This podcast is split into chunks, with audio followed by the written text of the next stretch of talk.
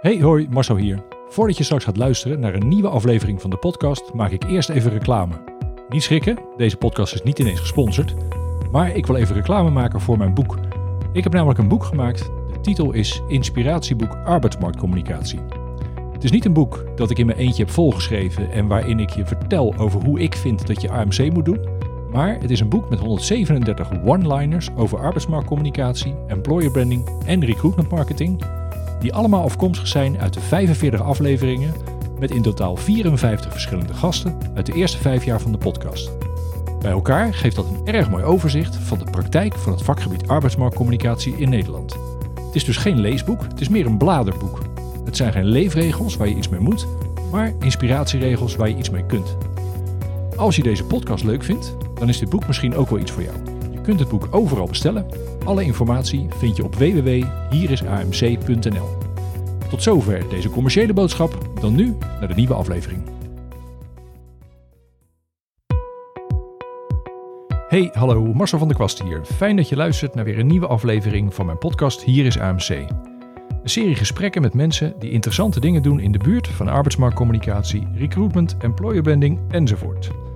Je gaat nu luisteren naar aflevering 51. Ik zit voor de tweede keer aan tafel bij Nedjet Saidi van Diversity Recruitment. Alle afleveringen van de podcast staan bij elkaar op een site, hier is amc.nl. Daar staan per aflevering ook de show notes. Ik vind het leuk als je laat weten wat je ervan vindt. En of je nog tips of wensen hebt. Je kunt mij via die site bereiken of via LinkedIn of andere sociale kanalen.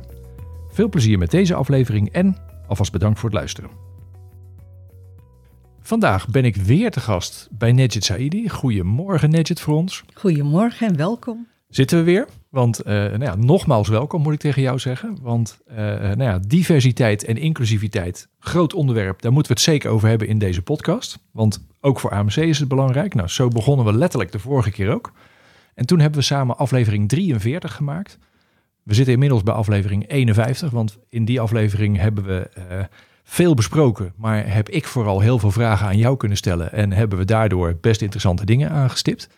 Maar goed, er zijn natuurlijk veel meer mensen die met vragen uh, rondlopen. Dus we hebben in die aflevering een oproep gedaan van waar loop je mee rond? Nou, daar hebben we interessante input voor gekregen. Dus daarom zitten we hier nog een keer om het daarover te hebben. Dus uh, dat wordt leuk. En bedankt alvast voor iedereen die uh, interessante input en vragen heeft gegeven. Als het goed is, hoor je jezelf langskomen. Um, ja, nou daar gaan we het vandaag over hebben.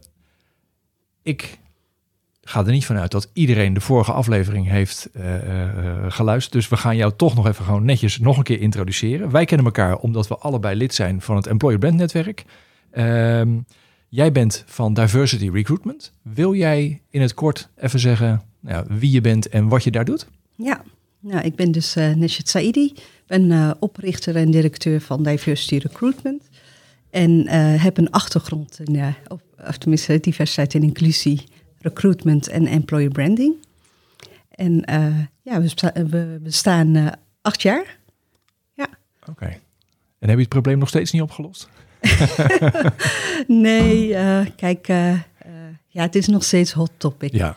Dus er is genoeg te doen. En en dat doen we met heel veel passie. En doe eens een, een korte vogelvlucht ja. wat, wat je doet met diversity recruitment. Nou, we helpen organisaties om uh, aan de instroomkant inclusiever te worden en diverser uiteraard. En we helpen ze dus aan de ene kant met werving en selectie, maar ook met procesbegeleiding, ja. uh, zodat ze ook de werkwijze zelf kunnen leren toepassen en het vervolgens ook gaan implementeren. En daarnaast geven we ook advies op het gebied van arbeidsmarktcommunicatie en uh, geven we trainingen. Ja, en ja. is dus letterlijk aan de binnen- en aan de buitenkant, zeg maar. Dat, dat, dat, en ja. in welke volgorde gaat het? Moet je vaak beginnen met werven en kom je dan steeds verder naar binnen in organisaties? Of, of begint het ook wel vaak van binnenuit? Uh, het hangt er eigenlijk vanaf. Uh, ik kijk altijd eerst naar het instapniveau van een organisatie en vraag ook naar de behoeften. Vaak willen ze diverser worden, dus dan komen ze heel snel uit op werving en selectie. Ja. Maar ik heb ook een organisatie die echt uh, een employer brand scan wilde in plaats van werving en selectie. Ja, dat kan ook een andere volgorde zijn. Ja, het volgorde maakt niet uit nee. als je het maar van alle kanten aanpakt. Juist. Nou, je haalde het zelf al aan. Um, het is nou, volgens mij precies een half jaar geleden dat wij elkaar voor die vorige aflevering spraken. Nou, dat is eh, een half jaar geweest waarin er van alles gebeurd is, maar waarbij dit onderwerp ook niet eh, uit het nieuws geweest is. Het is echt, eh, nou ja, vol in de aandacht. Ja. Als, als jij dat half jaar bekijkt, hè, kan je een paar voorbeelden noemen van, van mooie, goede dingen die je langs hebt zien komen op het gebied van diversiteit en inclusiviteit? Uiteraard. Eh, nou ja, zelf werk ik natuurlijk ook aan veel projecten. Ik was bij een organisatie. En eh, ja, in eerste instantie dacht ik dus, eh, hè, ze willen diverser worden. We hebben dus interviews afgenomen intern omdat we een employer brand scan wilden, of dat was de opdracht, Ja. eh, gaan uitvoeren. En eh, het grappige was is dat we erachter kwamen dat ze dus wel inclusief bezig waren. Oké. Dus eh, qua diversiteit in het personeelsbestand was dat minder. Dus echt de zichtbare diversiteit. Maar als je keek naar hoe ze werkten, was dat vrij eigenlijk best wel inclusief. Dus denk aan iedereen meenemen in de besluitvorming, zelfsturende teams, maar ook ruimte laten voor je eigen inbreng. Eh, en dat deden ze echt heel, eh, heel, heel mooi. Zonder dat ze dat zelf eigenlijk Ja. realiseerden. Oké. Nou ja, je, je, dat, ehm, je haalt daar twee dingen eigenlijk al, al een beetje uit elkaar. Hè? Diversiteit en inclusiviteit. Ja. Eh, je werd eigenlijk gevraagd omdat zij diverser wilden worden. Ja. En je bent onder de motorkap gedoken om te kijken... hoe Ja. gaan we dat doen? En, en klopt dan wat je doet op de lange termijn wel? En dat, dat noem je dan inclusiviteit? Ja, Oké. ja. En dat is interessant. We hebben hier het boek De Inclusiemarathon op tafel liggen. Daar halen ze er een derde onderdeel bij. En dat is de gelijkwaardigheid. Dat is Ja. denk ik wel een mooi 1, 2, 3'tje. Dus, dus lees vooral dat boek. Want dat is... eh, en nog één uitstapje daar. Ja. Dat vind ik ook mooi. In, een- in, ik moet eerlijk zeggen dat ik hem nog niet uit heb. nee. Maar bij de introductie eh, vind ik ook wel mooi dat ze aanhalen van... dat het niet altijd gezellig is als het over dat onderwerp gaat. En dat dat juist een van de redenen is waarom ze eh, in het boek soms ook een wat minder gezellige toon aanslaan. Want ze zeggen, ja jongens, sorry, maar als we een probleem aan moeten kaarten, kan het niet altijd gezellig zijn. Vind ik ook wel, ja, vind ik ook wel erg mooi eigenlijk. Dat, Ja. eh, dus, dus wat dat betreft ben ik al ge- ge- gefascineerd. Maar terug naar inclusiviteit, diversiteit bij die Ja. organisatie. Jij zegt dat, dat de eerste, de oorspronkelijke vraag was een employer brand scan te doen. Ja, Is dan eigenlijk de vraag, ehm, is ons employer brand inclusief genoeg Ja. of divers genoeg? Ja. Of, of kunnen we met dit employer brand een divers genoeg publiek aanspreken? Of, Ja, exact. Ja, dus eh, hoe ze eigenlijk eh, geposi- gepositioneerd zijn. ja. en, eh, en hoe ze dus, eh, ehm, ja, dus of ze inderdaad aantrekkelijk zijn voor die diverse doelgroepen. Ehm, dat was inderdaad de opdracht. En eh, Ja. het is gewoon altijd leuk om intern mee te mogen kijken, om te ja, zien. precies. Ja. Ik, ik snap dat je de organisatie natuurlijk niet noemt, hè? Want, want dat, is, eh, dat, dat, dat is te vertrouwelijk. Klopt. Ehm, wat ik me wel afvraag is, stel nou, je duikt erin. Ja, Je, je gaat in het employer brand duiken. eh, en je, je- ja, je ziet al vrij snel dat het niet inclusief genoeg is. Lijkt me soms best ingewikkeld om dat te moeten rapporteren of dat te moeten zeggen. Het is wel, weliswaar de vraag die je krijgt, Ja. maar, maar eh, voelen mensen zich dan niet persoonlijk aangevallen? Of? Nee, ik denk het niet. Dat is ook eh, de behoefte juist om eh, dus eigenlijk een frisse blik van buiten naar Ja, binnen ja. te hebben. En ehm, ja, ik zeg gewoon wat ik tegenkom. Ja. En dat is dus ook de meerwaarde van, van mijn advies. Dan kunnen ze er uiteindelijk ook iets mee. Ja, als je, ja. Ja. dat, dat, soms moet het ook een beetje schuren. Dat eh, de waarheid moet gezegd worden. Dat, Ja, maar het hoeft, niet, alles. ja, het, het hoeft niet negatief over Nee. te komen. Het Nee. zijn kansen. En jij zei, ze waren inclusiever dan dat ze zich eigenlijk realiseerden. Ge- Geef eens een voorbeeld dan. Ja. Waar, en het hoeft niet specifiek voor deze organisatie te zijn, hoor, maar Ja. waar zit dan die inclusiviteit in? Eh, in de zin dat je iedereen betrekt bij je besluitvorming onder andere. Ja. Dat je dat actief doet. Dus dat je in elk overlegvorm ook vraagt naar de stem van de minderheid. Hè, introverte mensen die willen niet altijd op de voorgrond zijn. ja. Eh, en dat je dat ook anoniem mag doen. Ja. En dat maakt het juist heel uniek. Omdat je dan toch iets van het jaarplan kan vinden of mag vinden. En dat daar ook serieus naar geluisterd wordt. En ze gaan niet eh, eh, verder met het plan totdat iedereen er 100% achter staat. Ja. Ja, Oké. Kan ook ingewikkeld zijn. Als je, weet je, Nederland staat toch al bekend om polderen. Eh, als iedereen het overal mee eens moet zijn, dat, dat, ja, dat kan de bedoeling bijna niet zijn. Toch? Het gaat meer om dat iedereen gehoord moet, voelen. Je ja moet zich gehoord inderdaad. Gehoord en gewaardeerd. Ja. eh, maar ook dat je dus, ehm, ook al hè, staat niet iedereen er 100% achter, maar dat je wel dat gesprek met elkaar aangaat. Ja. Om na te gaan, hè, onderbouw het. Uh, wat dan precies? Precies, precies ja. En dan kom je uiteindelijk tot een mooie oplossing. Nou ja, en dan, denk ik, dan Ja. denk ik dat als iedereen eh, genoeg het gevoel heeft erover meegedacht, gepraat te kunnen hebben. En als er uiteindelijk dan toch een andere beslissing genomen wordt. Ja, dat, dat begrijp je dan ook wel. Dat er mensen op bepaalde plekken zitten die natuurlijk, ja, die kunnen niet eh, eh, iedereen te vriend houden. Die moeten een beslissing nemen, linksaf of rechtsaf. Ja, Ja, eh, als jij eigenlijk voor rechts bent en men gaat links, betekent dat niet automatisch dat je dus boos moet zijn als jij je maar gehoord voelt. Dus ja dat is, inderdaad. Kijk, als je dat 9 van de 10 keer gewoon doet en dat dat ook standaard je werkwijze is, eh, ja, dan vind ik dat je heel goed bezig Ja. bent. Ja. Dan neem je iedereen daarin mee. En dan zitten we hier natuurlijk wel. ehm, eh, het gaat hier over arbeidsmarktcommunicatie en employer branding. Dus het gaat hier over een employer brand scan. En, en juist hier is Ja. interne communicatie dus heel belangrijk. Ja, In de kleine dingetjes, gewoon, gewoon nou ja, maar zo'n, dit. Oh, nee, maar zo'n detail wat je Ja. zegt, dat, dat, het, dat er dus een, een, een mogelijkheid is om ergens anoniem op te reageren intern. Ja. Nou, dat, dat kan Kijk, heel praktisch zijn. En dit kan je ook extern communiceren. Ja. Hoe mooi is het dat je ook kan laten zien dat je dus echt iedereen meeneemt in die besluitvorming. Ja. Dat iedereen gehoord wordt, echt gehoord Ja. wordt. Mooi voorbeeld. Ja. Hartstikke mooi. Ja. Ehm, heb je nog een voorbeeld van het afgelopen half jaar? Ja, wat ik eh, zelf heel mooi vind natuurlijk om te zien is dat eh, als wij ergens een pilot doen of ergens binnenkomen en eh, het proces begeleiden, dan zie je dat heel veel organisaties niet weten hoe ze het moeten doen. Ehm, en dat ze na afloop eh, ja, echt wel verrast zijn, want het is tijdrovend, het, eh, het komt soms star over. Ze missen soms ook de persoonlijke klik, zeg maar, in die selectieprocedures. Eh, maar in die end hebben ze een heel ander, ander type kandidaat aangenomen. Ja. Waardoor ze dus toch wel verrast zijn en blij zijn dat ze het hebben gedaan.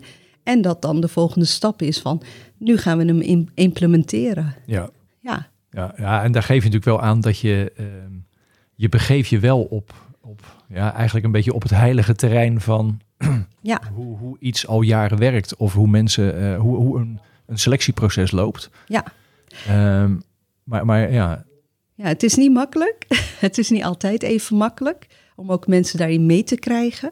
Maar je merkt dat ze het moeten ervaren. Dat ze vooral in het begin sceptisch kunnen zijn. Kijk, eh, de opdrachtgever is gewoon heel duidelijk, we willen dit en help ons.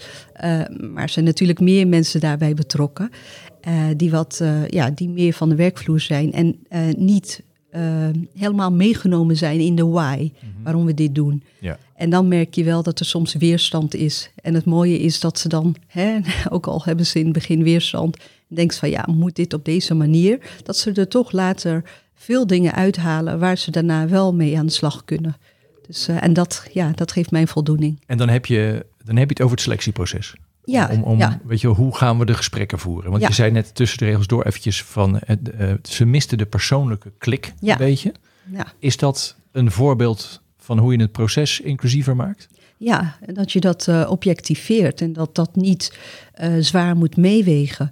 Want dat, hè, als je geen proces hebt, geen eh, inclusief proces hebt, selectieproces, dan zie je dat eh, ja, de mensen toch een beetje op een onderbuikgevoel Ja. afgaan. En eigenlijk random vragen stellen. En dan iemand aannemen omdat ze het de persoon wil zien doen. Ja. Ja, maar daar eh, haal je niet de meest ja, kwalitatieve kandidaten binnen. Nee, dus het gek is dat je het eigenlijk minder persoonlijk aan het maken bent. Ja. Tenminste, het gekke. eh, dat is het tegennatuurlijke zou ik bijna willen zeggen. Dat Ja. het, eh, Nee, wat we ze ook eh, leren is dat ze ehm, de gunfactor die ze bij een kandidaat voelen, of de frictiefactor, ook laten opschrijven. Hè? Wat voel je Ja. bij die kandidaat? En dan, dan moeten ze er ook een klein beetje om lachen. Zeker bij de nabespreking. Van, oh ja, nou eigenlijk ja, is het toch mijn gevoel. Hè, wa- wat, die, eh, eh, wat maakt dat de kandidaat hoog scoort. Maar eigenlijk wil je dat ze het eh, feitelijk onderbouwen vanuit echte Ja. competenties of Ja. vanuit een casus. Ja. Ja. en dat is dan wel grappig. Dan kunnen ze het een beetje toch van zich afschrijven. ja. En, en waarom je hem noemt als mooi voorbeeld, is dat je dus, nou ja, tijdens het proces heeft iedereen van, jongens, moet dit? En achteraf geven ze aan wat precies de leerdoelen zijn geweest die jij eigenlijk van tevoren benoemd hebt. Dus Ja. dat, is- dat is mooi om te horen. Ja. Oké. ehm, als, je, als, je, als je gaat kijken, want afgelopen half jaar is ook de de krapte op de arbeidsmarkt is, uh, is, is nog verder toegenomen. Er is een soort van paniekvoetbal. Uh, we halen zelfs het acht uur journaal met dat er meer vacatures dan werkzoekenden zijn. Uh, ik ga niet helemaal mee in die paniek, want het is vooral een soort wake-up call van werkgevers. Ja, je moet je best doen. Dat, en dan, dan natuurlijk, het is ingewikkeld, maar het is wel een beetje soms nou ja, maar dat is een beetje mijn, persoonlijke. Dan, dan wordt het een beetje krokodillentranen. Van, oh ja, jongens, er reageren geen mensen op onze vacatures. Nee, dat klopt. Dan moet je je best iets meer doen. Maar zo simpel is het natuurlijk ook weer niet. Um, wat betekent die krapper wordende arbeidsmarkt voor het onderwerp diversiteit, inclusiviteit? Ja, mooie vraag. Nou ja, ik denk dat je dus meer kansen hebt om dus uh, wel zeg maar de vacatures ingevuld te krijgen. Maar dat betekent niet dat je passief moet werven. Hè, post and pray, dat is niet meer. Je moet echt actief de arbeidsmarkt opgaan. Je moet je profileren. Wat ik ook veel tegenkom, is dat uh, we gaan enthousiast met elkaar aan de slag. En dan uh, vraag ik om content en dan hebben ze niks. Of heel weinig of minder hè, divers uh, beeld ja, of videomateriaal. Dan denk ik, gebruik deze tijd ook om daaraan te werken. Ja. Om daarin te investeren. Want dat helpt je ook om de vacature aantrekkelijker te maken. Ja, ja het is aan de ene kant natuurlijk, um, er, er, ligt potentieel qua uh, nou ja, potentiële uh, mensen die je vacature in kunnen vullen. Ik denk alleen dat de grove samenvatting ook is dat ja, uh, om dit potentieel goed te bereiken, moet je wel je best doen. En dan, dan kom je weer eigenlijk een beetje in de, de korte termijn valkuil. Uh, dan moet jij tegen ja. Nou ja, vacaturehouders of recruiters die je toch al eigenlijk alleen maar druk willen van jongens, ik heb morgen iemand nodig, moet jij gaan, eigenlijk gaan zeggen dat je voor een proces moet kiezen wat iets langer duurt, of niet? Ja, soms wel inderdaad. We hebben inderdaad meer tijd nodig om dit goed aan te pakken. Ik bedoel, als jij nooit aan, aan een inclusief proces hebt gewerkt, maar je wil wel de diversiteit binnenhalen, hè, of een bredere doelgroep aanspreken, ja, dan uh, doe je dat ook niet uh, in heel korte tijd. Dus je nee. moet daar wel de tijd voor nemen. Uh, of een tijdelijke oplossing. En dat, dat zie ik ook bij mijn opdrachtgevers, is dat ze tijdelijk een interimmer aannemen. En ons ook de tijd gunnen om echt ja. het proces in, grondig aan te pakken. Ja, ja, want het is natuurlijk een beetje aan twee kanten beginnen. Hè? Ja. Het, is, het, is, het is niet zo van je kunt niks eerst het hele proces. Nee, ja, het is een beetje alle schuiven openzetten. Ja. En, en um, maar misschien, eh, als, als niet kan, moet je het ook zeggen hoor. Misschien zet ik je te veel meer voor blok. Maar wat nee, zou nou een. een uh, Oké, okay, het is nu deze arbeidsmarkt, die is hartstikke overspannen. En uh, dit is het laatste zetje wat ik als werkgever nodig heb van jongens, we moeten een diversere doelgroep aanspreken. Want uh, ja, ik, ik, dat moet ik nu helemaal doen. Want anders hebben we gewoon echt niet genoeg mensen. En dan kom ik bij jou en dan wil ik gewoon iets wat op. Ik wil zo snel mogelijk divers zichtbaar zijn. Hoe, hoe doe ik dat? Ja, dat is inderdaad een, eh, een uitdaging. Maar kijk natuurlijk ook hoe aantrekkelijk al de werkgever is. Hè? Is het een hele ja, bekende organisatie, dan heb je niet veel moeite om de vacature zeg maar, aantrekkelijker te maken.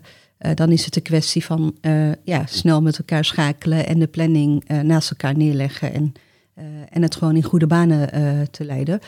Um, en veel werkzoekenden of kandidaten die, of me, ja, kandidaten die ergens werkzaam zijn, met, daar hebben we al eerder contact mee gehad. Dus we weten vaak ook wie er beschikbaar zijn. Ja, precies. Dus, dat, dus ja. soms kan je ook snel schakelen. Maar het ja, hangt, en... hangt ook van de opdrachtgever af. Hoe flexibel is die opdrachtgever? Ja. Maar dan zit je bijna op het rijtje waar jij mee begon. Weet je, je kunt op de korte termijn kunnen, ja, kan je snel gaan werven in, ja. in de netwerken die je hebt. Op de lange termijn moet je zorgen dat de, de, nou ja, de organisatie erachter ook klopt. Dus die, die, ja. die twee, dat past eigenlijk één op één op de huidige arbeidsmarkt. Juist. Oké, okay. nou dat, dat waren eventjes, weet je, als je gaat kijken van het afgelopen half jaar, hoe we er al op komen. Ja. Ik denk dat we toch nu uh, een beetje naar de vragen moeten, want anders dan uh, moeten we nog een aflevering maken en uh, als we niet aan die vragen toe komen. Maar het mooie is dat ik net al een paar keer bijna een bruggetje had naar een vraag. Dus, dus Even misschien ter introductie van die vraag. Uh, we, gaan niet letterlijk zeggen, we hebben van puntje, puntje, puntje de vraag gekregen over deze organisatie. Want daar merk je dat het, het onderwerp vaak dan toch te, of te ingewikkeld voor is of te vertrouwelijk. Dus ik heb van uh, de mensen die input hebben geleverd, heb ik een soort van, van nou ja, noem het, uh, ja, anonieme vragen, maar dan is het net of we een anonieme vragenrubriek hebben. Maar we hebben het eventjes gewoon iets objectiever gemaakt. Maar eh, eh, als het goed is, zijn de mensen die uh, hun vraag hebben gesteld, herkennen wel hun eigen vraag. Alleen het ligt niet gelijk helemaal open op straat wat, wat, precies het probleem is. Um, laat ik gewoon eens beginnen. Um, eerste voorbeeld is een beetje, en dan sluit ik een beetje aan bij wat je. Uh, ik ga even in mijn papieren rommelen hoor, want dat ik wel een goede vraag heb. Dat gaat, eigenlijk is die vrij algemeen.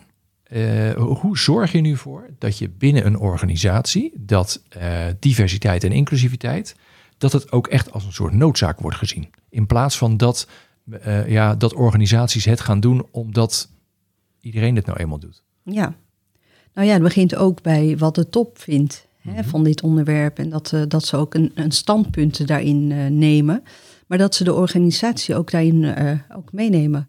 Want als de top iets uh, wil, of in ieder geval aangeeft om echt diverser en inclusiever te worden, um, en dat uh, weet alleen HR, ja, dan wordt het nog steeds lastig. Ja. En, en vooral stilstaan bij de why. Waarom willen ze dit? En het is veel geloofwaardiger en sterker op het moment dat je het echt koppelt aan je missie. Ja. Ik bedoel, als het goed is voor je organisatie, um, dan kun je het echt wel koppelen aan een business case. En dan wordt de noodzaak ook duidelijker. En het mooie is, of tenminste vaak denkt iedereen als we het over diversiteit hebben, dat het om iemands culturele achtergrond gaat. Maar diversiteit gaat over ons allen. Uh, en dat je ook echt talenten centraal stelt.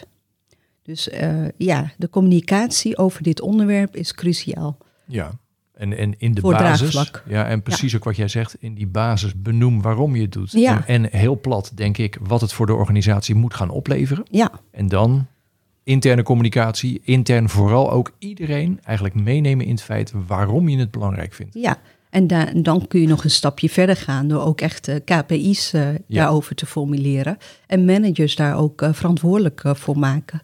En lukt het altijd? Want, want stel nou dat het probleem bovenin zit, weet ja. je wel? Dat, dat, dat eigenlijk de hoogste in een organisatie ervan overtuigd moeten worden nog dat dit een belangrijk onderwerp is. Ja. Maak, je, maak je dat ook nog ja, mee? Ja, zeker. Dat het van bottom-up uh, zeg maar, wordt geïnitieerd. Ja. En dan uh, ja, kan het ook een sterke werking hebben. Want uh, als, hè, als het van de, van de werkvloer afkomt, dat mensen zelf een initiatief starten en daarmee aankloppen bij, bij de top, bij het bestuur of mm -hmm. de directie dan, uh, ja, dan geeft dat ook soms wel een. Uh, en hoe krijg je die dan overtuigd? Als eigenlijk, uh, nou ja, als je nou ja, bottom-up moet overtuigen? vanuit, vanuit de werkvloer naar de top? Ja, of, of nou, hoe krijg je de mensen, de bedrijfsleiding, ja. hoe krijg je die ervan overtuigd dat het onderwerp echt serieus genomen moet worden? Ja, door dus aan te geven waarom. Hè? Dus als het gaat om de business case, als je precies. daarmee hè, betere resultaten boekt, als je innovatiever wordt. Um, het is ook, uh, het is gewoon een noodzaak. Ja. En, uh, en als je dat goed kan onderbouwen, dan krijg je de managers echt wel mee. Ja. En, en tegelijkertijd, zeg ik ook, werk ook aan je werving van nieuwe managers die inclusieve vaardigheden meebrengen. Die dus dat al uitdragen. En niet dat je uh, ja, ook hè, daarin managers blijft aannemen die dat minder hebben of ja. helemaal niks meer hebben. Dan hou je het in stand. Ja. Nou ja, ik, als ik dat zo. Um, de twee dingen die je zegt, vind ik daar mooi in. En ik denk dat, dat de kracht zit om ze allebei te doen. Weet je, Ja. het is aan de ene kant die, uh, de why van uh, diversiteit en inclusie. Waarom doen we dit? Waarom vinden we dit belangrijk? Maar keihard gekoppeld aan die andere kant. En dat is de business case. Want die why, zeker als je uh, het over nou ja, de, de, de board van een bedrijf hebt, dan, is het, dan zit de why voor een deel ook gewoon in de, in de cijfers, in, in, de deliverables. Dus die twee, en dat is dan hartstikke ingewikkeld natuurlijk, maar ik denk dat, dat je te vaak ziet dat één van de twee benoemd wordt en dat de ander braak ligt. En ik denk dat juist allebei, ja. dat is ook het diversiteitsstatement, wat jij in de vorige aflevering vrij duidelijk uh, ook neer hebt Klopt. gezet. Ja. Nou ja, dat moet ik eerlijk zeggen, daar heb ik in de maanden daarna ben ik, heb ik daar al, al zeven keer eh, ben ik dat in de praktijk tegengekomen. Dat gewoon, jongens, uh, zullen we dat even opschrijven? Ja. Zullen we dat gewoon verwerken in alles wat we doen? Dus die is ja, hartstikke goed. Um, door naar de volgende. Um, als je een, een voorbeeld is een. Uh, veel organisaties hebben een traineeship. En um, ik zit maar te bladeren, maar dat komt omdat ik, ik ben het helemaal niet gewend, joh, dat ik allemaal. nee, je hebt, je hebt vaak wervingsprogramma's voor, of, nou, voor traineeships. En dan, dan wordt er veel aandacht besteed aan de nou ja, de diversiteit van de groep trainees. En ehm, dat, nou ja, daar, daar stoppen veel organisaties stoppen daar veel tijd in. Ehm, dan heb je vaak ook ehm, dat er een groep trainees is die heel anders is dan de rest van de organisatie. Dat is een van de, de, de, krachtpunten waarom je een traineeship uh, zou kunnen beginnen. Om gewoon eens een keer een soort verse club in je organisatie rond te laten lopen. Maar er zit iets interessants in de aansluiting van die groep bij de rest van de organisatie. Want uh, vaak is het zo dat na twee jaar, als zo'n traineeship afgelopen is, dan moeten ze uh, een, een, echte baan de organisatie in, een echte functie. En dat is vaak een, een ja, echt een moment waar nou ja, de aansluiting tussen de groep de nieuwe groep, zeg maar, mhm. waarbij je dus echt heel erg op hebt gelet dat je, dat je goede diversiteit hebt. En de rest van de organisatie die dan die je daardoor hoopt een beetje mee te nemen, die je een soort veranderingsimpuls uh, geeft. Hoe kan je er nou voor zorgen dat die wrijving daartussen, je zoekt natuurlijk voor een deel de wrijving, want dat is gezond, maar hoe voorkom je nou dat de organisatie eigenlijk te lastig blijkt om te veranderen? Dat het een dat de trainees afhaken op het moment dat ze in de echte organisatie terechtkomen. Dat, dat het traineeship te los komt te staan. Hoe, hoe zorg je ervoor dat je je eigen organisatie ook meeneemt? En dat die diversiteit dus niet alleen blijft in die groep, de nieuwe groep. Ja, ook weer een mooie vraag. Uh, ik zou eigenlijk starten met van waarom zou je het alleen van een traineeship moeten laten afhangen? Uh, hoezo is de rest van de organisatie niet divers genoeg? En natuurlijk heb je uh, de, de langzittende, uh, die misschien minder divers is, zeg maar, ten opzichte van het klasje of van het traineeship. Um, kijk, in, in die twee jaar doen ze natuurlijk verschillende opdrachten. Ja. dus ze komen ook in aanraking met de managers, met de verschillende afdelingen. Belangrijk is dat de diversiteit die je aantrekt, zeker in, in zo'n traineeship, dat je dat ook stimuleert en dat je ook ruimte geeft voor hè, jezelf zijn. En dat je vooral niet uh, je moet gaan aanpassen aan de norm of aan de, de dominante cultuur, bedrijfscultuur of organisatiecultuur die er heerst. Dus dat moet je wel actief blijven stimuleren, ook in de begeleiding van de trainees. Maar zorg ook dat je je eigen mensen, de, dus de langzittenden, ook traint hierin. Dat ze ook uh, breder gaan kijken. Dat ze openstaan voor andersdenkende en nieuwe perspectieven. Ja. ja, en dat kan je heel mooi doen door ook inhoudelijk te kijken naar het programma. Van wat bied je aan aan opdrachten? Um, wat je ook soms ziet is dat ze uh, een trainee uh, de opdracht geven om wat met diversiteit en inclusie te doen. Is misschien heel leuk. Maar kijk ook naar, um, naar de inhoud van de, hè, van, van de afdelingen. Mm -hmm. Wat kan iemand extra bijdragen? Dus aan nieuwe perspectieven geven. Een mooi vraagstuk waar iemand lekker mee aan de slag kan gaan. Ja, en dan eigenlijk ervoor zorgen dat het niet te los komt te staan. Nee, precies. Dat je, dat je uh, nou ja, eigenlijk die integratie in je traineeship verwerkt. In ja. plaats van dat het een te losse ja, eigenlijk een te los programma wordt van de rest van de organisatie. Absoluut. En wat ik ook zou zeggen is, uh, wat ik ook soms tegenkom en wat ik heel jammer vind, is dat ze trainees laten solliciteren naar een baan na afloop van hun traineeship. Uh, ik, ik, ja, ik ben van mening, hè, ze zijn al binnen, ze zijn eigenlijk al je medewerkers. Waarom laat je ze solliciteren naar een baan en dus ook concurreren met de rest? En dan moeten ze eigenlijk een beetje knokken voor hun uh, plekje. Ik heb het ook uh, wel eens meegemaakt, is dat iemand uh, bijna niet was aangenomen. Terwijl dat hij echt op papier, maar ook in die gesprekken het uitstekend ja, deed. Ja. Uh, puur alleen omdat hij een beetje afweek van de norm. Nou ja, maar dat is precies waar het natuurlijk elkaar gaat raken. Ja. Kijk, het is hartstikke. Ja. Het is eigenlijk best eenvoudig om in je traineeship, uh, nou ja, wat, wat um, nou ja, mensen die wat verder van de norm afstaan, zeg maar. Ja. Maar die norm, ja, hoe ja. krijg je die nou, hoe krijg je die in beweging eigenlijk? Hoe, hoe, hoe, hoe stel je die meer open? Ja, het is eigenlijk een verandertraject, eigenlijk meer een transformatie. Uh, maar dat betekent dat je aan de andere kant daaraan moet werken. Haal specialisten binnen, of deskundigen, als je ze zelf niet in huis hebt. Want je moet ook aan die cultuur blijven werken. En wat je ook soms ziet, is dat een bepaald traineeship dan ook een bepaald status krijgt. Ja.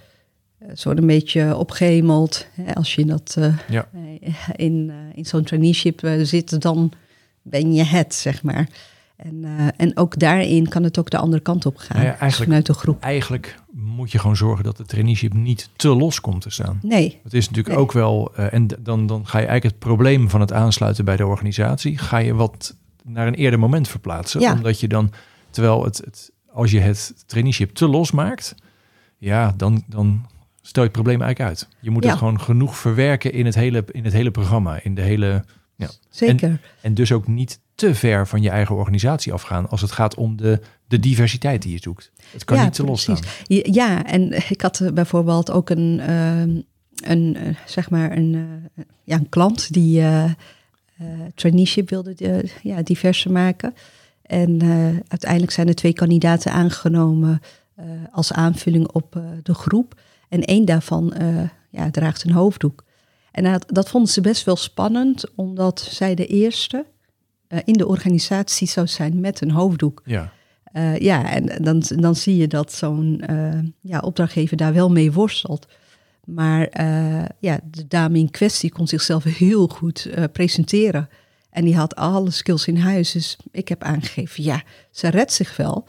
Maar zorg er wel voor dat de organisatie inclusiever wordt. En dat het ja en zorg dat ze een beetje backup krijgt. Want, want Ja, kijk, uiteraard. Ergens is Ja. dat, maar, dat- maar dat vind ik een mooi voorbeeld, want daarvan kan je natuurlijk zeggen van, dat is mooi. Dan gebruiken we dat, eh, nou ja, die dame gebruiken we als bijna even een, of een soort voorbeeldfunctie of een breekijzer om de rest van de organisatie eigenlijk mee te nemen. Ja, Maar dat is ook eh, stiekem wel heel veel gewicht wat je op de schouders van één trainee legt. Dat, Ja. dat, dat, dat, dat kun je niet alleen aan die trainee overlaten. Daar moet je, daar moet je in begeleiden. ja, dat zou je denken. Maar besef wel dat zo'n dame met een hoofddoek in de maatschappij tegen dezelfde struggles aanloopt.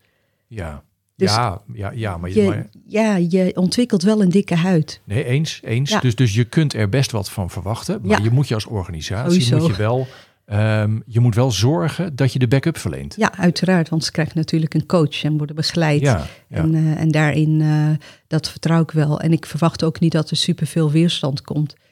Ehm, nee, eh, soms maak je iets groter voor jezelf hè, dan dat het eigenlijk Ja. is. ja. Kan juist heel goed gaan. Nou ja, en doe vooral alsof het heel normaal is, weet je. Dat, dat, dan. Oké, oké, maar dat, dat vind ik een goed voorbeeld. Want, want nou ja, dan, dan wordt het ineens heel tastbaar wat voor keuze het is die je maakt als organisatie. En dat, maar er- zit wel iets in van nou ja, het, het traineeship niet te los laten staan van de rest van de organisatie. Tenzij je daar, zoals in dit geval, wel een soort, een soort plan mee hebt. Ja. Maar dan moet je wel de backup geven. Dat, eh, Absoluut. Oké, mooi, mooi, mooi. Dat, dat zijn gelijk al een paar vragen, want dan heb je het ook over de, eh, nou ja, de, de dominante cultuur versus eh, diversiteit, inclusiviteit hebben we ook wel een beetje afgevinkt. Ehm, ik ga even een, eh, nou ja, een koude knip naar een vraag die wat, wat eh, sowieso een compleet ander vakgebied zit. Eh, die ook wel groter, breder en ingewikkelder is. Maar ik, ik wil je eigenlijk vragen van puur vanuit jouw ervaring reageer er eens op wat je, wat je hier zeggen. Want het gaat namelijk het gaat over het onderwijs. Ehm een van de, de, nou ja, de, de, sowieso, er zijn in het onderwijs natuurlijk, er is niet één wervingsprobleem, er is een soort clusterfuck aan heel veel kleine problemen die ervoor zorgen dat, het natuurlijk, dat we een leraartekort hebben. Een van de problemen die wel eens langs hoort komen is de afspiegeling van de, het docentenkorps versus de afspiegeling van eh, wie er in je klas zitten. En dat er dus eigenlijk veel te weinig mensen zijn met een, ja, nou, laat, laat ik zo, met, vanuit eh, culturele groepen die wel in de klas zitten en die te weinig voor de klas staan. Een van de problemen daarbij begint op de PABO. Want dat is een, eh, nou, heel kort samengevat, veel te wit. Dat is een veel te witte school. Maar en er lopen allerlei programma's om, om de PABO, de instroom bij de PABO breder te krijgen, veel diverser. Dat werkt eigenlijk heel slecht. Dat is hartstikke ingewikkeld. Als je dat nou, de hele grote vraag, even bij jou op je bord leggen. En ik verwacht niet één totaal antwoord. Maar als je nou zegt, waar zou je nou op moeten letten of aan kunnen beginnen om de instroom bij de PABO in ieder geval wat, wat breder te krijgen? Ja. Ja, het is inderdaad een eh, complexe vraag. Eh, allereerst, wat mijn eerste reactie zou zijn, is maak het beroep ook eh, aantrekkelijk voor de doelgroep. Dus dan hebben we het een beetje over employer branding. Waarom is, een, is het aantrekkelijk om als docent voor de klas te staan? Nou, je levert een maatschappelijke bijdrage, je helpt leerlingen hè, om zich verder te ontwikkelen. Ehm, en ik, ik denk dat als je ook rolmodellen daarvoor aanhaakt, die wel in het Ja. onderwijs werkzaam zijn met een biculturele achtergrond, dat je ook heel snel eh, ja, ook de doelgroep weet te bereiken. Ja. Want misschien is het zo dat eh, mensen vanuit de doelgroep niet snel denken om docent te worden. Omdat ze die rolmodellen niet zien. Ja, niet eens omdat ze niet zien, maar omdat ze eh, bezig zijn met een heel ander eh, loopbaan of een ander pad. En als je kijkt naar ehm, waar je ook potentie in zit, zijn zij-instromers. Ik bedoel, als je heel lang in het bedrijfsleven hebt gewerkt op een bepaald, zeg maar in een bepaald vakgebied, zoals economie of finance of wat dan ook, dan kun je altijd nog weer hè, de Ja. PABO doen, denk ik, en dan weer eh, voor de klas gaan staan. Ja. Dat zie ik ook wel eh, gebeuren. Ja, precies. Dus dat, dat, eigenlijk zeg je twee dingen. Ja. Met rolmodellen eh, laat zien dat het een mogelijkheid is. En dat, ja, heel, heel eerlijk, dat geldt natuurlijk voor... Dat, dat, ja, dat geldt eigenlijk voor alle groepen. Maar ik kan me juist voorstellen dat als je bij wil sturen die kant op... dan moet je op zoek gaan naar rolmodellen. Nou, dat, dat is natuurlijk Ja. lastig omdat ze er weinig zijn. Maar ze zijn er wel. Ze dus, zijn er dus wel. laat dat zien. Ja. En breng mensen... Nou ja, en, en, en dat is wel interessant hoor. Want eh, het feit dat je dat beroep dus kunt gaan invullen... Weet je, dat heel praktisch invullen... daar zit, daar zit ook zeker een deel van de drempel. Ja, Ehm, er zit ook heel onderliggend natuurlijk, weet je, het, het imago, het aanzien van het beroep is natuurlijk, ja, dat is geen, niet alleen een communicatieprobleem. Want ja. eh, daar moet meer aan gebeuren, maar dat is een beetje het probleem van het onderwijs. Er moet zoveel gebeuren. Ik denk wel dat nou ja, de twee dingen die je noemt, zijn wel eh, wat je daar qua communicatie in ieder geval aan bij kunt dragen. Gaat niet ineens de totaaloplossing zijn, maar ja, ik, ik moet je eerlijk zeggen, eh, de kritische vraag stellen: hoeveel rolmodellen brengen we eigenlijk in beeld bij de groepen die wij graag willen laten zien dat ze welkom zijn? Ja, heel eerlijk moet je dan vaak in de spiegel kijken en constateren dat dat nog veel meer kan. Ja, absoluut. Los van alle andere problemen. Dat, eh. Ja. Oké, ehm, genoeg daarover. Dan eh, ga ik door naar de volgende vraag. Ik ben echt, eh, ja, dit- dit- deze rol bevalt me wel. Vragen van andere mensen stellen. Ehm, ja, ik ga nu naar een lekker korte vraag.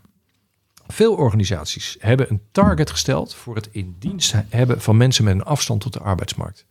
Hoe voorkom je dat dat intern als een moetje wordt gezien? Ja, maar dat geldt ook voor breder, hè? ook eh, vrouwenquota Ja, en, ja, eens, en noem maar op. Ja, hoe voorkom je dat het? Een moetje wordt. Een Weet je dat mensen, wordt, ja, ja. ik doe dit omdat eh, er is nou helemaal Ja. gezegd dat we dit moeten doen. Ja, het- soms is het niet verkeerd om eh, een eh, quotum in te stellen, zeker als het niet vanzelf gaat en, ja, en dat je daar echt wel je mensen daarin mee wil krijgen. Maar het belangrijkste is dat je ook de nadruk legt op de kwaliteiten die mensen meebrengen. Dus echt kijk naar de talenten en kijk ook van buiten naar binnen en niet alleen vanuit je organisatie. Tuurlijk kijk je ook wat je nodig hebt als organisatie, maar hoe ziet die arbeidsmarkt eruit? Hoe ziet deze doelgroep eruit? Welke eh, kwaliteiten kunnen ze meebrengen? En, en, en maak daar een koppeling eh, mee hè, met de vacatureteksten. Misschien moet je ook aan jobcarving doen. Ehm, dus ja, eh, zie het niet gelijk als van oké, het, eh, het moet. Dus eh, ja, dan eh, neem je gewoon de meest zielige personen aan. Maar kijk gewoon naar de potentie van iemand. Ja. En dan is het als je dat naar intern verplaatst, hè, want dan Ja. is het, ehm, er kan van hoge hand natuurlijk wel beslist worden ehm, van jongens, deze groep is belangrijk voor ons. Maar dan, eh, je kunt, als jij ineens op zoek moet, als je meer moeite moet doen om eh, eh, mensen, nou, in dit voorbeeld met een afstand tot de arbeidsmarkt, weet je, om, dan ga je eigenlijk de mensen die de werving moeten doen, je gaat hun werk misschien wel moeilijker maken. Ja, dat, dus als je Ja. op dat niveau het, het gevoel van, ja, nou ja, wat ze nou boven weer besloten hebben, ja. als je dat weg wil nemen, Ja. ja, dan kun je dus ook eh, budget in ieder geval en eh, het faciliteren door ook gewoon externe jobcoaches in te huren, die je daarbij helpen. En begin met een aantal, met een pilot. Ga het niet gelijk voor iedereen opleggen. En daar waar het heel goed lukt, deel die verhalen met elkaar. ja, Dat zie je ook met mensen die eh, een arbeidsbijzonderheid hebben. Dat er van eh, in eerste instantie gedacht wordt dat, eh, ja, dat je echt een beperking hebt en dat je niks kan. Maar dat wil niks zeggen. een prachtig woord, arbeidsbijzonderheid, Ja. die, die gaan we erin houden. Oké. Mooi. Ja, Nou ja, maar, ja, maar die vind ik heel belangrijk en die past ook heel erg bij de, de, het onderwerp waar we het hier over hebben. Want, Ja. want dat soort verhalen delen dat geeft mensen heel erg extra gevoel van waarom we dit ook alweer doen. Absoluut. Ja. Intern, maar ook extern. Ja, ja, en extern kan het natuurlijk het gevaar, weet je, een soort van, van eh, ja, greenwashing, maar dan in dit geval, weet je, kijk, ons is eh, eh, iemand met afstand tot de arbeidsmarkt hebben aangenomen, maar op een natuurlijke manier die verhalen delen. Absoluut. Dus ook echt vanuit de inhoud. En dat is ook wat ik altijd meegeef, is van... ja, het is leuk als je een diverse... Weet je, een foto plaatst met diverse mensen erop. Eh, maar als dat verder niet terug te lezen is in stories... dat die mensen daadwerkelijk bij je werken en bepaalde functies hebben... ja, dan lijkt het alsof je een iStock-foto hebt eh, gebruikt. Ja. Ehm, terwijl dat de eh, interne stories juist heel erg krachtig kunnen zijn Ja. in het bereik ook van andere ja, mensen uit de doelgroep, zeg maar. Ja, en het grijpt ook weer terug naar ehm, je diversiteitsstatement. Ja. Eh, of, of de why, zoals je het hier eerder noemde. Van eh, iedereen in je organisatie. Want het, het kan echt zo zijn dat je eh, mensen ja, de werving ingewikkelder maakt. Omdat je nou eenmaal dat belangrijk vindt. Dus je zegt met budget en mankracht kan je daar mensen mee helpen. Vertel de verhalen, maar ook die, ja, ik haal dan ook die, dat identiteits, of sorry, diversiteitsstatement erbij. Ja. Dat is ook, jongens, daarom vinden we het belangrijk en daarom doen we het. Dus dat moet je juist ook intern blijven vertellen tegen elkaar. Ja, practice Dus what you preach. Ja, ja. Ja. ja mooi, mooi, mooi. Die, eh, die, eh, hebben we ook goed beantwoord. Ehm, ga ik, ik denk dat het misschien de laatste al is, maar dat, dat, dat klopt qua tijd ook wel aardig. Ehm, diversiteit. Hoe moet je er nou mee omgaan als je, ehm, als je doelgroep simpelweg niet zo divers is? En dan is het makkelijkste voorbeeld, maar er zijn veel meer doelgroepen voor het geld, maar het makkelijkste voorbeeld is misschien wel de eh, vrouwelijke programmeurs of de, de vrouwen in IT. Weet je, er zijn heel veel organisaties die zeggen: wij streven ernaar om eh, eh, ook onze IT-afdeling een betere afspiegeling te laten zijn van de maatschappij. We willen meer vrouwelijke IT'ers. Maar het is hartstikke ingewikkeld, want de doelgroep, ze zijn er misschien gewoon niet zo heel veel. Hoe voorkom je nou dat dat loze statements worden? Ja, door daar echt werk van te maken. Door te gaan investeren in sowieso een traineeship. Maar ook door te kijken van, eh, dat je eerder in contact komt met studenten. Dus echt aan de poorten van de universiteiten staan. Eh, je kan altijd eh, als gastdocent, zeg maar, een lezing geven over IT. Ehm, en dat je daarin de vrouwen die je wel hebt, dat je die ook een podium geeft. Dus dat werkt hetzelfde als met andere dimensies. Ja. Ehm, ja, tuurlijk, het is een uitdaging, maar dat, da- daar loopt elk, elke organisatie een beetje tegenaan. Ik wil niet zeggen dat het onmogelijk is, eh, maar je kunt ook, en ik heb ook bijvoorbeeld eh, voor het Rijk toen eh, e-trainees, zeg maar, geworven. ja. En, En e-trainees, dat, is, dat zijn IT, ja, ICT. ICT, dus in brede zin. ja. En, en daar zaten heel veel vrouwelijke kandidaten bij. Dus, Terwijl als je dat in eerste instantie zou zeggen, dan, dan was er een, was er een quotum van moest het 50-50 zijn? Moest het of zoveel mogelijk? Of, Nee, niet per se. Er is wel een quotum, eh, zeg maar een streefcijfer van Ja, ja. ambitie, zeg maar, Ja. rijksbreed. Maar eh, voor traineeship was het meer de bedoeling om goede kandidaten of trainees, zeg maar, te want ik kan me voorstellen dat dat, hè, weet je, de geloofwaardigheid van het streefcijfer, weet je, de ambitie, daar, daar begint het eigenlijk, weet je, als je het over deze vraag hebt, dat, dat moet wel realistisch zijn. Want Absoluut. ik denk dat er te vaak gezegd wordt, eh, we moeten meer vrouwen in die en die functie, zonder daar een onderbouwing in aan te kunnen geven van hoe realistisch het is. Dus Ja, ja. En het geldt voor alle beroepen. Dus kijk ook naar het arbeidspotentieel.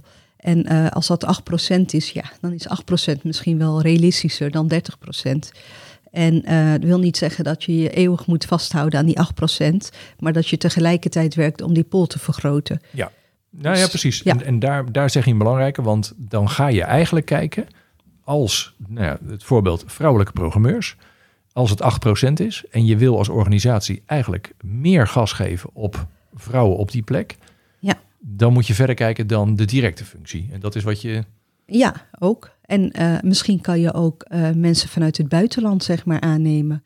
Ik bedoel, eh, hè, als je internationaal eh, zaken doet en de voertaal is Engels, dan heb je een, een, een bredere Ja. pool, zeg Ja. maar, aan, aan potentieel. Dus het hoeft niet per se te zijn dat je echt eh, blind staart op de Nederlandse arbeidsmarkt. nee. Maar wat Ja. je net zei, van, weet je, dat je eigenlijk ook gaat richten op het opleiden van mensen. dus absoluut. dan ga je ook Ja. iets verder kijken dan je directe doelgroep. Ja, Ja. En hoe, hoe heb je dat dan bij het, uh, het, het, het e-traineeship gedaan? Ja, dus ook door die opleidingsrichtingen te verbreden. Ja. Dus dat je niet per se een IT-gerelateerde opleiding moet hebben gedaan. Uh, maar dat je met uh, ja, bedrijfskunde ook, of als jurist ook wel uh, welkom bent. En dat je dus kijkt naar wat, hè, wat iemand qua affiniteit meebrengt. Ja. Soms doen ze dat als hobby. Vinden ze het hartstikke leuk om Ja. te programmeren. En, en dat zijn ook vrouwen. En, ja, en dan is het wel leuk om te zien dat ze ook instromen en dat ze daarna of uh, op het slijf, snijvlak van uh, business en IT gaan werken, Ja, of echt als uh, IT-projectleider of als programmeur. Dus je kan alle kanten op, maar mits je wel een, een brede opleiding, opleidingsaanbod hebt Ja. voor, voor die groep. Maar dan heb je dus in eerste instantie de, de, zeg maar, de geloofwaardigheid van het, van het Ja. streefcijfer. Aan de andere kant het uh, meer openstellen dan misschien puur de richtingen die het meest voor de hand liggen. Maar het profiel eigenlijk iets breder maken. Zodat je op die manier eigenlijk de, de, nou ja, het voor meer uh, een grotere, uh, meer vrouwen openstelt, heel plat gezegd. En dan gaan kijken, en dan kom je een beetje uh, op de strekking van de vorige aflevering, dan het op competenties bekijken in plaats van Absoluut. puur op, op opleidingen. Ja. Nou, ja, en je moet het beroep ook aantrekkelijk maken. Dus laat zien wat je doet en wat de successen zijn en uh, uh, wat de doelstellingen zijn. En met wat voor Eh, verschillende achtergronden je dat kunt bereiken. Absoluut, ja. Ja. Dat maakt het krachtig. En, en kan je zeggen hoeveel procent van de instroom van dat traineeship uiteindelijk vrouw was? Um, Ik ga je niet, even goed ga je niet vastpinnen op exacte getallen hoor. Maar Nee hoor, maar ik denk uh, ongeveer 40 procent. Oké, nou, Ja. dat, is, dat is best fors. Mooi. Ja, ja. Oké, nou ook die vraag hebben we beantwoord. Ehm, nou, dan zijn we er doorheen, door de vragen. Ik, eh, eh, eh, wat, wat vind je van, als je, als je zo deze vragen, want dit is natuurlijk, eh, er heeft een half jaar tussen gezeten, dus die zijn Ja. op hele verschillende manieren zijn ze bij, bij ons gekomen. En gaat dit allemaal een, een, een bekende kant op? Of gaat het, is, het, is het maar een stuk van je vakgebied waarnaar gevraagd wordt eigenlijk? Of, of? Nou ja, het is wel herkenbaar hoor. De- deze vragen krijg ik ook terug uh, van uh, opdrachtgevers die, uh, of organisaties die hier ook tegenaan lopen. Ja. Um, ik denk dat het gewoon belangrijk is dat je kennis moet gaan opdoen als organisatie. Dat je de juiste mensen binnenhaalt eh, met expertise op dit gebied, dus diversiteit en inclusie. En dat het geen hogere wiskunde hoeft te zijn. Nee. Um, en laat je begeleiden en zorg ervoor dat je het implementeert. Ja. Ja, het, het grappige Ja. van zo'n rijtje vragen is dat, dat, ze, dat ze stiekem de hele, uh, bijna de hele kolom doorgaan. Weet je wel, van hoe, hoe zorg ik nou dat mensen het echt voelen dat, dat, het, dat het iets oplevert. Weet je, dat is, dat is de basis. Ja, Tot en met heel praktisch. Uh, de, de, de, de, uit- nou ja, precies. Ja. En, en alles daartussen. Dus wat dat betreft vind ik het een, leuk, uh, ja, een leuke vorm om op die manier toch een beetje, een beetje lukraak door het geheel heen te schieten. Dus, Ja. Maar dat hebben we aardig gedaan. Ehm, de tijd, nou, die is best oké zo. Dus uh, we, we hebben weer een, uh, een, een, een, nou ja, een, een mooie aflevering neergezet over dit onderwerp. Dankjewel. Uh, we gaan kijken of er nog meer vragen komen. Dan kom, dan kom ik gewoon nog een keer langs voor uh, aflevering 3, voor sessie 3. Uh, ja, je bent altijd welkom. Nou ja, dat, en dat, Ja. dat vind ik het leuke van als je ziet hoe dit allemaal doorgaat, dit onderwerp. Dus dankjewel voor nu. Ehm, ik wil ook eventjes de mensen noemen die input hebben geleverd, want die natuurlijk ook ontzettend bedankt. En in willekeurige volgorde Stefan Koster, Inge Bekkers, Joost Schragen, Marco Dalmeijer en Chantal van Kuijen. Dankjewel voor jullie input en ik hoop dat we uh, nou ja, jullie vraag net genoeg hebben uh, veranderd dat, het niet, uh, dat je morgen geen lastige vragen krijgt. En ik hoop dat we toch qua antwoord dat je hier wel mee hebt. En mocht je nog meer willen weten, nou dan horen we het wel weer. Dat is het voor nu. Nogmaals dankjewel. En tot de volgende keer. Tot ziens. Tot zover deze aflevering van Hier is AMC. Bedankt voor het luisteren. Je kunt je abonneren op deze podcast via SoundCloud, Spotify, Stitcher of iTunes of op welke manier jij je podcast ook binnenhaalt. Ze staan ook op YouTube voor als je nog niks met podcast doet. Of als je graag video erbij wil zien. Alle info staat op de site hier is amc.nl en de podcast is ook te vinden op Instagram. Tot de volgende keer.